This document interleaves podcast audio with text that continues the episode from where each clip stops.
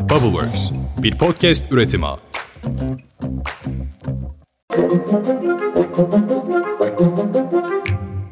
Günaydın. Bugün 3 Nisan 2023. Ben Özlem Gürses. Bubbleworks Media ve Pushholder ile birlikte hazırladığımız 5 dakikada dünya gündemine hepiniz hoş geldiniz. 1 Nisan'da şakası yapılacak bir şey yok demiştik. Aynı gün hem İyi Parti'ye kurşun yağdı hem de CHP'ye seccade tuzağı kuruldu. Kim bilir bu yeni hafta başımıza neler gelecek. Hadi başlayalım. Hafta sonunu İyi Parti'ye isabet eden kurşun ve Kemal Kılıçdaroğlu'nun üzerine bastığı seccade haberleriyle geçirdik. İyi Parti İstanbul İl binasının birinci ve üçüncü katındaki Meral Akşener fotoğraflarına isabet eden bu serseri mermiler meğer D100 karayolunun karşı tarafındaki inşaatın bekçisi tarafından hırsız kovalarken ateşlenmiş. Hırsızı kovalıyordum diye ifade veren bekçiye bilin bakalım ne oldu? Tabii ki serbest bırakıldı.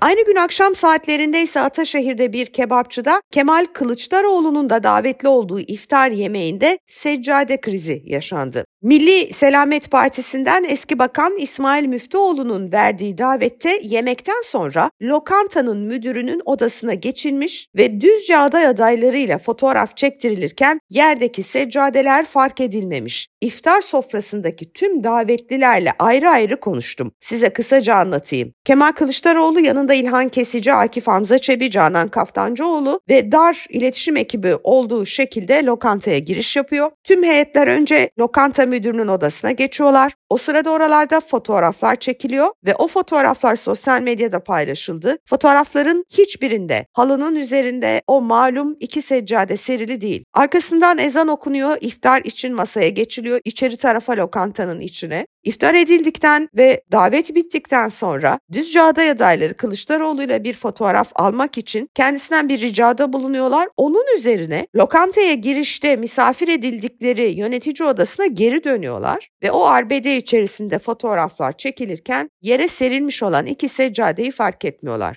Sorular şunlar. Bu seccadeleri oraya kim serdi? Diyelim ki akşam namazı ezanı sırasında bir namaz eda edildi orada. Neden namaz bittikten sonra seccadeler kaldırılmadı? Ve neden lokantanın sahibi ya da yöneticileri bu konuyla ilgili hiçbir açıklama yapmadı? Anlayacağınız 40 dakika önce orada olmayan seccadeler ne hikmetse Kılıçdaroğlu orada fotoğraf çektirirken orada. Türk medyası işi gücü bıraktı. İki gündür sadece bunu konuşuyor. Kılıçdaroğlu'nun konuya ilişkin açıklaması şöyle. İftar organizasyonuna katıldığımız restoranda oldu bu olay. Fotoğraf çektirmek isteyenler vardı. Ben kimseyi kırmam. Öyle bir alışkanlığım da yoktur. Öyle de yetişmedim. Herkesi kucaklarım. Herkese saygı duyarım. Fotoğraf çektirmek isteyenler vardı. Salon kalabalıktı. Yerdeki seccadeyi görmedim. Şimdi o kare üzerinden operasyon yapıyorlar. Açıkça söyleyeyim. Ben onların operasyonunu umursamam. Ben samimi olarak üzgünüm. Bunu ifade edeyim. Ben, ailem, eşim, çocuklarımız asla ve asla hiçbir kutsala saygısızlık etmez. Bu seccade olayı AK Parti'nin seçim kampanyasına dönüştü bir anda. İstanbul Bağcılar'da dün toplu açılış törenine katılan Cumhur İttifakı'nın adayı Recep Tayyip Erdoğan şöyle dedi. Fazla kalmadı 40 gün. Birileri seccadelerin üzerine ayakkabılarla basabilir çünkü bunlar Pensilvanya'dan alıyorlar talimatı. Onlara meşrudur. Bunlara en güzel cevabı benim aziz milletim 14 Mayıs'ta verecektir. Açılışta Bağcılar Belediye Başkanı Abdullah Özdemir Cumhurbaşkanı Erdoğan'a bir de seccade armağan etti. Bu seccadeye ayakkabılarla basmak için değil ha. 15 Mayıs'ta inşallah şükür namazını bu seccadede kılabiliriz. Dün iktidara yakın tüm gazetelerde aynı manşet vardı. Fethullah Gülen'in bir seccade üzerinde ayakkabılarıyla durduğu fotoğraf ve yanında büyük harflerle yazılmış şu cümle. Talimat Pensilvanya'dan. Bu polemikleri bırakıp asıl gündeme bakalım isterseniz. İstanbul'da soğanın kilosu 30 lira oldu. Bu etiketiyle İstanbul'da Mart ayının zam şampiyonu da soğan. Veriler İstanbul Ticaret Odası'nın İstanbul Ücretliler Geçinme Endeksinden. Endekste yer alan 242 ürünün 112'sinin perakende fiyatı artmış. 33 ürünün fiyatı düşmüş, 97 ürünün fiyatı ise sabit kalmış. Önceki aya göre fiyatı en çok artan ürün %22,4 ile soğan, en fazla azalan ürünse %24,12 ile maç giriş bileti ücreti olmuş. Yaz bir türlü gelemiyor ama karpuzda da acayip fiyatlar var. İstanbul'da İran karpuzları tezgahlarda yerini aldı. Karpuzun kilosu 20 liradan başlıyor, 35 liraya kadar çıkıyor. Bayrampaşa'da pazar esnafı olan Hilmi Ekinci bir röportajda şöyle anlatıyor. Karpuzun dilimini 1,5 kiloya denk gelecek şekilde kesiyoruz ve 51 liraya satıyoruz. Dilim daha çok tercih ediliyor. Bütün bu rakamlar Türkiye'yi gıda enflasyonunda en yüksek 5 ülke arasına taşıdı. Dünya Bankası'nın gıda güvenliği raporunun Şubat ayı sonuçlarına göre en yüksek gıda enflasyonu Lübnan'da gerçekleşmiş. Türkiye, Lübnan, Zimbabwe, Arjantin ve İran'ın ardından 5. sırada yer alıyor. Listenin devamındaysa Mısır, Ruanda, Gana, Surinam ve Sri Lanka var. Doları seçime kadar 19 TL seviyesinin altında tutmak için çıkartılan kur korumalı mevduatın Türkiye'ye toplam maliyeti 181,5 milyar TL yani yaklaşık 9,5 milyar dolar olmuş. Bu arada hatırlayalım kur korumalı mevduatta faiz limiti de kaldırılmıştı. Maraş depremleri sonrası ortak canlı yayında yapılan Türkiye Tek Yürek kampanyasında 115 milyar lira bağış toplanmıştı. Ancak bu paranın yaklaşık 31 milyar lirası hala yatırılmamış. Cumhurbaşkanı Yardımcısı Fuat Oktay'ın açıklamasına göre bugüne kadar yatırılan paranın tutarı 84 milyar 400 milyon TL. Vaat ettiği tutarı ekranda söyleyip yatırmayanlar hakkında ne yazık ki herhangi bir yaptırım yok. İyi Parti'nin Ankara 2. bölgedeki milletvekili adaylarının belirlenmesi için yapılan temayül yoklamasında ortalık birbirine girdi. Ankara'da aday olan Adnan Beker'in ekibiyle İyi Parti Genel Başkan Yardımcısı Şenol Sunat'ın ekibi arasında arbede yaşandığı söyleniyor. Kavga da bundan çıkmış zaten. Akyurt, Altındağ, Çamlıdere, Çubuk, Güdül, Kahramankazan, Kalecik, Keçiören, Kızılcahamam ve Pursaklar ilçelerinin temsil edecek adayın belirlenmesi için yapılan oylama yaşanan bu kavga nedeniyle iptal edildi.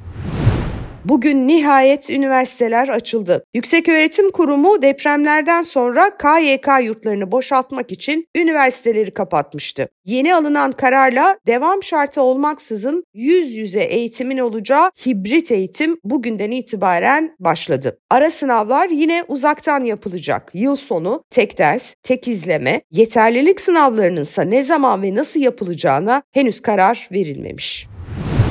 Trump'ın yarın mahkemeye çıkması bekleniyor. Eski Amerikan Başkanı Donald Trump, porno yıldızı bir kadınla girdiği ilişki sonrası sus payı ödediği suçlamasıyla ilgili yargılanıyor biliyorsunuz. Bu Amerika tarihinde bir ilk. CNN'e konuşan ve dava hakkında bilgisi olan iki kaynağa göre Trump, yarın yerel saatle 14-15 sularında Manhattan Ceza Mahkemesi'ne çıkartılacakmış. Habere göre yarın öğleden sonra adliye binasında yaya trafiği azaltılacak. Hatta bu amaçla Trump'ın mahkeme mahkemeye çıkacağı tüm süreler boyunca diğer tüm dava faaliyetleri de durdurulacakmış.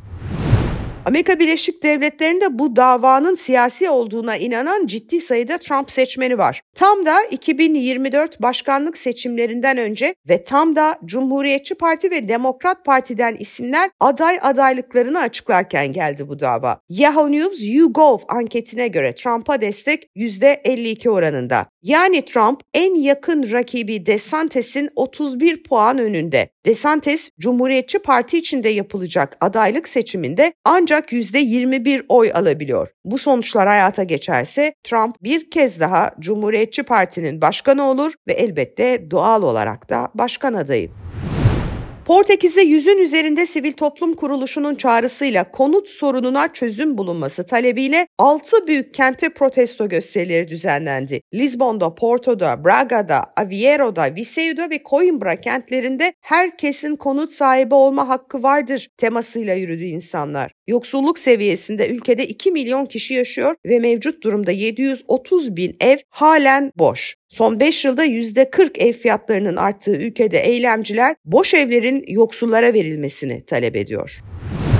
Fransa'nın başkenti Paris'te de scooter referandumu yapıldı. Belediyenin girişimiyle kentte yaşayanlar yaklaşık 200 noktada elektrikli scooter kiralama hizmetine evet ya da hayır demek için oy kullandı. Paris'teki her 5 kazadan biri bu scooterlardan dolayı yaşanıyormuş. Ülkede yakın zamanda elektrikli scooter kullanma yaşı da 14'e çıkartılacak. Sesimden anladınız mutlaka feci gribim. Hanımefendi senin aklın bu işlere ermez. Biz papatya çayının ne zaman içileceğini de biliriz. Ama sana da rezeneyi tavsiye ederiz. Hayır tabii ki bana demiyor Erdoğan, Sayın Akşener'e diyor. Ben yine de gideyim bir papatya bir de rezene çayı içeyim. Çünkü bu gündem ancak bu çaylarla tahammül edilebilir bir hale gelir. Size de güzel böyle taze bir çay öneriyorum. Yarın sabah Türkiye'nin gündemiyle yine görüşmek üzere. Hoşçakalın efendim.